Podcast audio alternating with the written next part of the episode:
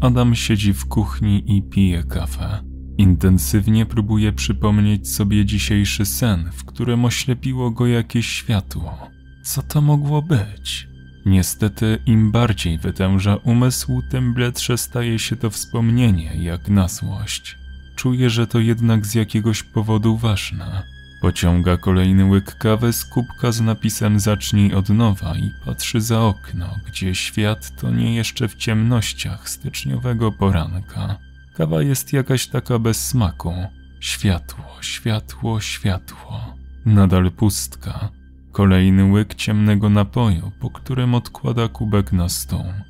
Wracająca ręka zahacza o łyżeczkę, a ta spada na podłogę, odbija się kilka razy i leży bez ruchu, jakby chciała, żeby nikt jej nie zauważył. A potem podniosę. Pociera oczy, a następnie przeczesuje włosy. Słyszy żonę, którą, o czym jest przekonany, budzi dźwięk spadającej łyżeczki. A i tak miała zaraz wstawać. Pójdę się przywitać.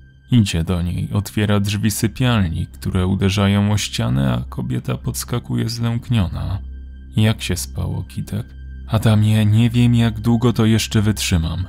Oświadcza żona, błądząc wzrokiem po ścianach sypialni, jakby nie chciała go zauważyć.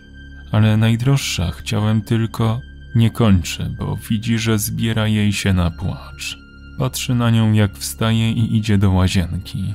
Tam wyciąga z szuflady paczkę chusteczek. Nie wraca już do sypialni, tylko człapie do dużego pokoju i zrezygnowana siada na sofie. Płacze. On stoi nad nią. Czy to, że cię kocham, nic już dla ciebie nie znaczy? Łzy podkreślają dramaturgię jej pytania. Adam nie wie, dlaczego Basia się złości, ale jest mu smutno z tego powodu. Chciałby to naprawić, lecz nie wie dokładnie co. Widzi, jak kobieta sięga po telefon. Do kogo dzwonisz? Pyta, ale jest ignorowany. Taka reakcja sprawia, że jego duma zostaje urażona. Zaczyna wzbierać w nim gniew. Daje żonie kolejną szansę na odpowiedź. Powiesz mi, do kogo dzwonisz? Nadal cisza. Słychać szmery w słuchawce, sugerujące, że ktoś odebrał połączenie. Cześć, obudziłam cię? To dobrze, widzisz, Przerywa na chwilę i pociąga nosem. On znowu zaczyna. Przyjedziesz? Pyta błagalnie. Kto ma przyjechać? Co to ma znaczyć do cholery? Pyta głośno i wali w drzwi, a mała mrożona szybka pęka. Żona płacze jeszcze głośniej, a przez łzy pyta. Dlaczego mi to robisz? Dlaczego? Mężczyzna nie wytrzymuje. Wraca nabuzowany do kuchni. Czuje skumulowaną energię, która potrzebuje się uwolnić. Nie namyśla się. Bierze miskę z owocami leżącą na stole i ciska nią o ścianę. Szkło rozpada się na setki małych kawałków. Jest mu jednak mało. Raz za razem stuka szafami, jakby czegoś szukał, byle tylko narobić hałasu. Sztućce dzwonią w szufladach, które otwiera i zamyka. W pewnym momencie do kuchni wchodzi żona i krzycze: Przestań! Przestaje. Skończ wreszcie. Czy ja już nic dla ciebie nie znaczę? Pyta płacząc. Najbardziej w tej sytuacji denerwuje go to, że nie wie czym zawinił. Próbuje sobie przypomnieć, ale nic nie przychodzi mu do głowy, jak to światło ze snu. Za babami nie trafisz. Myśli zrezygnowane i wychodzi z kuchni. Mijając żonę, czuje jak ta drży, co go dodatkowo złości. Idzie do sypialni, a tam od razu podchodzi do okna, łaknąc większej przestrzeni w tej dusznej atmosferze. Chcąc przewietrzyć umysł i uspokoić się, patrzy na mały skwerek. W pewnym momencie coś zauważa. W słabym świetle budzącego się zimowego poranka, na tle wycofującej się nocy, zaczyna rysować się sylwetka jakiegoś człowieka. Zdaje się on obserwować Adama. Dziwne. Mężczyzna patrzy jeszcze przez chwilę, a następnie robi kilka kroków do przodu, pozwalając, żeby światło bijące od niedaleko stojącej latarni zdradziło jego wygląd. Macha ręką do Adama. Zachęca, żeby ten wyszedł. Co to za wariat? Pyta Adam na głos. Baśka, widziałaś? Pyta żonę, ale ta konsekwentnie nie odpowiada. Nieznajomy za oknem wytrwale macha ręką. Adam mieszka na parterze, więc otwiera okno i woła: O co chodzi? Mam sprawę do ciebie. Słyszę w odpowiedzi. Do mnie? My się znamy? Tak. Odpowiada mężczyzna i uśmiecha się. Zejdziesz? Nie, dzięki. Odpowiada Adam i chce zamknąć okno, uznając, że to jakiś żart. To dotyczy twojej żony. Oznajmia nieznajomy, rozbudzając tym komunikatem zainteresowanie swojego rozmówcy. Adam ponownie otwiera okno na oścież, rozgląda się, ale nie widzi nikogo oprócz rozmawiającego z nim człowieka. Słucham. Mówi i czeka na wyjaśnienia. Zejdź do mnie, to pogadamy o żonie, o świetle, które nie daje ci spokoju. Co, nie możesz mi tego powiedzieć tutaj? Pyta Adam, broniąc się przed wyjściem na styczniowy chłód. Nie da rady, przyjacielu. Adam musi zejść. No dobra, daj mi sekundę. Zamyka okno. Trzeba się ubrać. Otwiera szafę, wyciągając z niej kilka wieszaków z koszulami, które rzuca na łóżko. Z drugiej szafy wydobywa szybko kilka par spodni i wybiera stare dżinsy.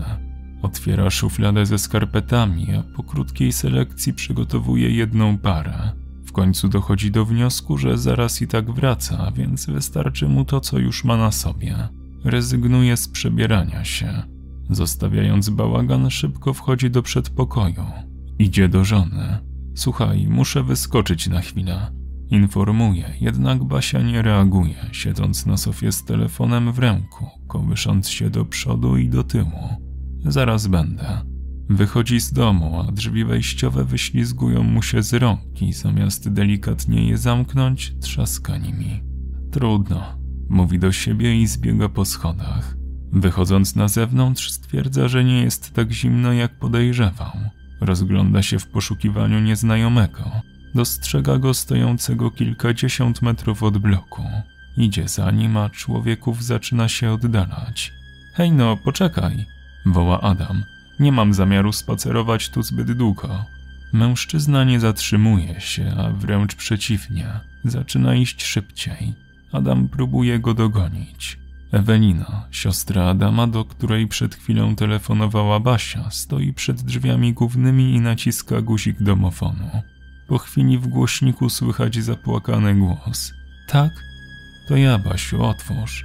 Mechanizm zamka brzęczy, mówiąc w swoim mechanicznym języku, można wejść i kobieta jest już w środku. Szybko wbiega po kilku schodkach do mieszkania numer 3, gdzie za uchylonymi drzwiami stoi szwagierka, pociągając nosem. Wejdź, proszę. Zaprasza gospodyni, otwierając szerzej. Ewelina wchodzi, domyślając się tego, co za chwilę zobaczy. Czekaj. Pomimo tego, że Adam prawie już biegnie, nie może dogonić mężczyzny, jednak o dziwo nie czuje zmęczenia. Nachodzi go myśl, że coś jest nie tak. Rozglądając się stwierdza, że wokół nie panuje zima, a raczej można zauważyć ostatnie podrygi lata. Co jest? Pyta sam siebie, a w oddali widzi, że nieznajomy zatrzymuje się. O co chodzi? Mężczyzna wyciąga rękę i wskazuje na lewo od Adama. Kiedy ten przenosi tam wzrok, ogarnia go przerażenie. Siostra Adama wchodzi do mieszkania szwagierki. Jej oczom ukazuje się pobojowisko w sypialni, gdzie ubrania Adama walają się na łóżku i na podłodze. Następnie przechodzi do kuchni, w której pootwierane są szafy i szuflady, a na podłodze leżą kawałki miski na owoce. Widzi też pękniętą szybę w drzwiach pokoju. Tobie coś się stało? Pyta Basia. Nie, on by mnie nigdy nie skrzywdził. Basia łuka. Już dobrze. Zapewnia Ewelina, chociaż wie, że nie jest dobrze, ale zawsze tak się mówi. Obie siadają na sofie. Basia osusza twarz chusteczką. Słuchaj, a może rozważysz? Szwagierka nie pozwala skończyć, bo wie, jaka propozycja wisi w powietrzu. Nie, nie wyprowadza się. Wobec takiej postawy Ewelina jest bezsilna, bo nie ma innych pomysłów, a więc siedzą w pokoju. Basia przytula się do Eweliny. Adam nie może uwierzyć własnym oczom. To jakiś żart, nie? Mówi na głos, ale w okolicy nie ma żywej duszy. Tajemniczy mężczyzna zniknął. Wiatr strąca pierwsze jesienne liście, a kilka z nich upada na kamienną płytę, którą Adam ma przed sobą i wtedy wszystko sobie przypomina. Coś się chyba jednak zmieniło. zauważa Ewelina. Co masz na myśli? Pyta Basia. Popraw mnie, jeśli się mylę, ale chyba pierwszy raz zdarzyło się to nad ranem. Racja, w sumie jeszcze było ciemno, kiedy to się zaczęło, jak przy okazji poprzednich wybuchów, ale po wszystkim rzeczywiście było już jasno. Dzisiaj też pierwszy raz trzasnął drzwiami wejściowymi, jakby wychodził. Taka zwyczajna sobota, kino i restauracja. Później Adam i Basia wracają do domu. Tego dnia pada deszcz, a nocą, kiedy są w drodze, temperatura spada poniżej zera, zmieniając mokrą szosę w lodowisko. Adam jedzie ostrożnie, ale w pewnym momencie na drogę wpada jakieś zwierzę. Kierowca odruchowo hamuje i auto wpada w poślizg. Tańczą przez chwilę na lodowej tafli, wypełniając kabinę modłami i przekleństwami, a zaraz potem spadają ze skarpy. Adam uderza głową w metalowy słupek. Pęka mu czaszka. Światło. Adam widzi lampę w szpitalu nad łóżkiem.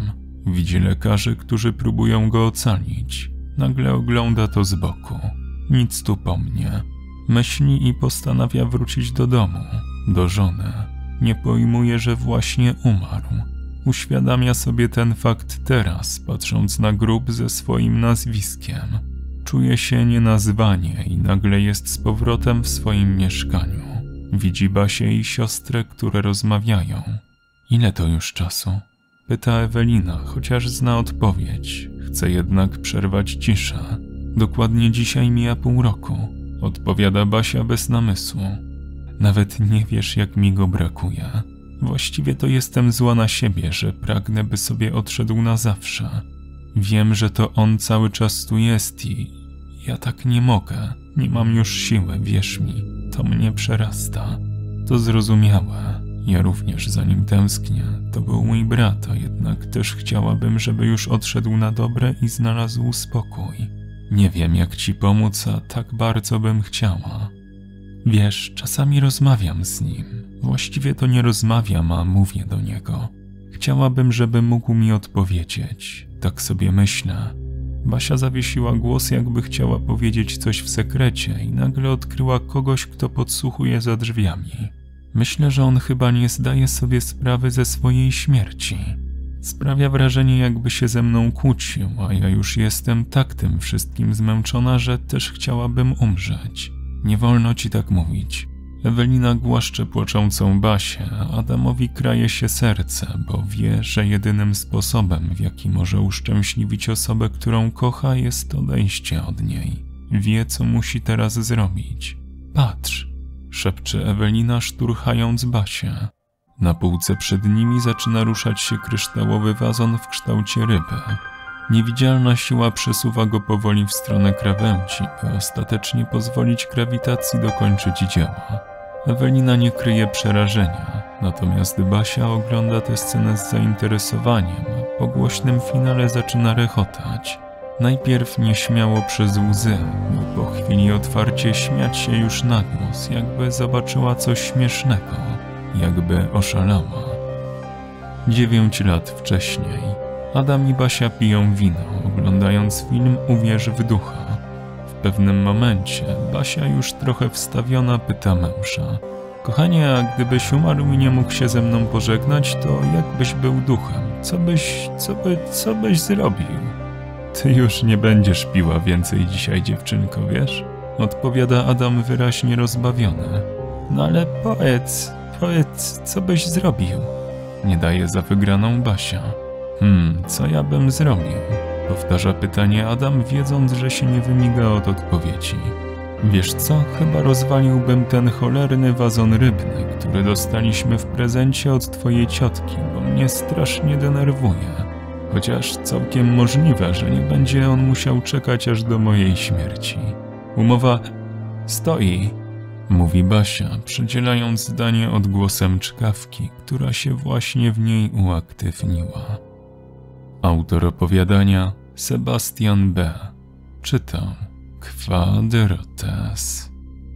Patroni odcinka to Krzysztof Drozdowski, Kalusia, Syrenka Ladacznica, Brutal Drop, Jojo Moto, Arkadiusz Waszkiewicz, Wojti 262, Sebastian Król, Anna Rachowa, Michał Paszkiewicz, Gregory Kos, Laki Gusi, Jan Bartol, Roxana Dąbrowska, Karolina Mizgała, Mateusz Z, Reker.pl, Kapi YouTube, Misiaczkowa, Daniel A oraz Fra Martin. Do usłyszenia.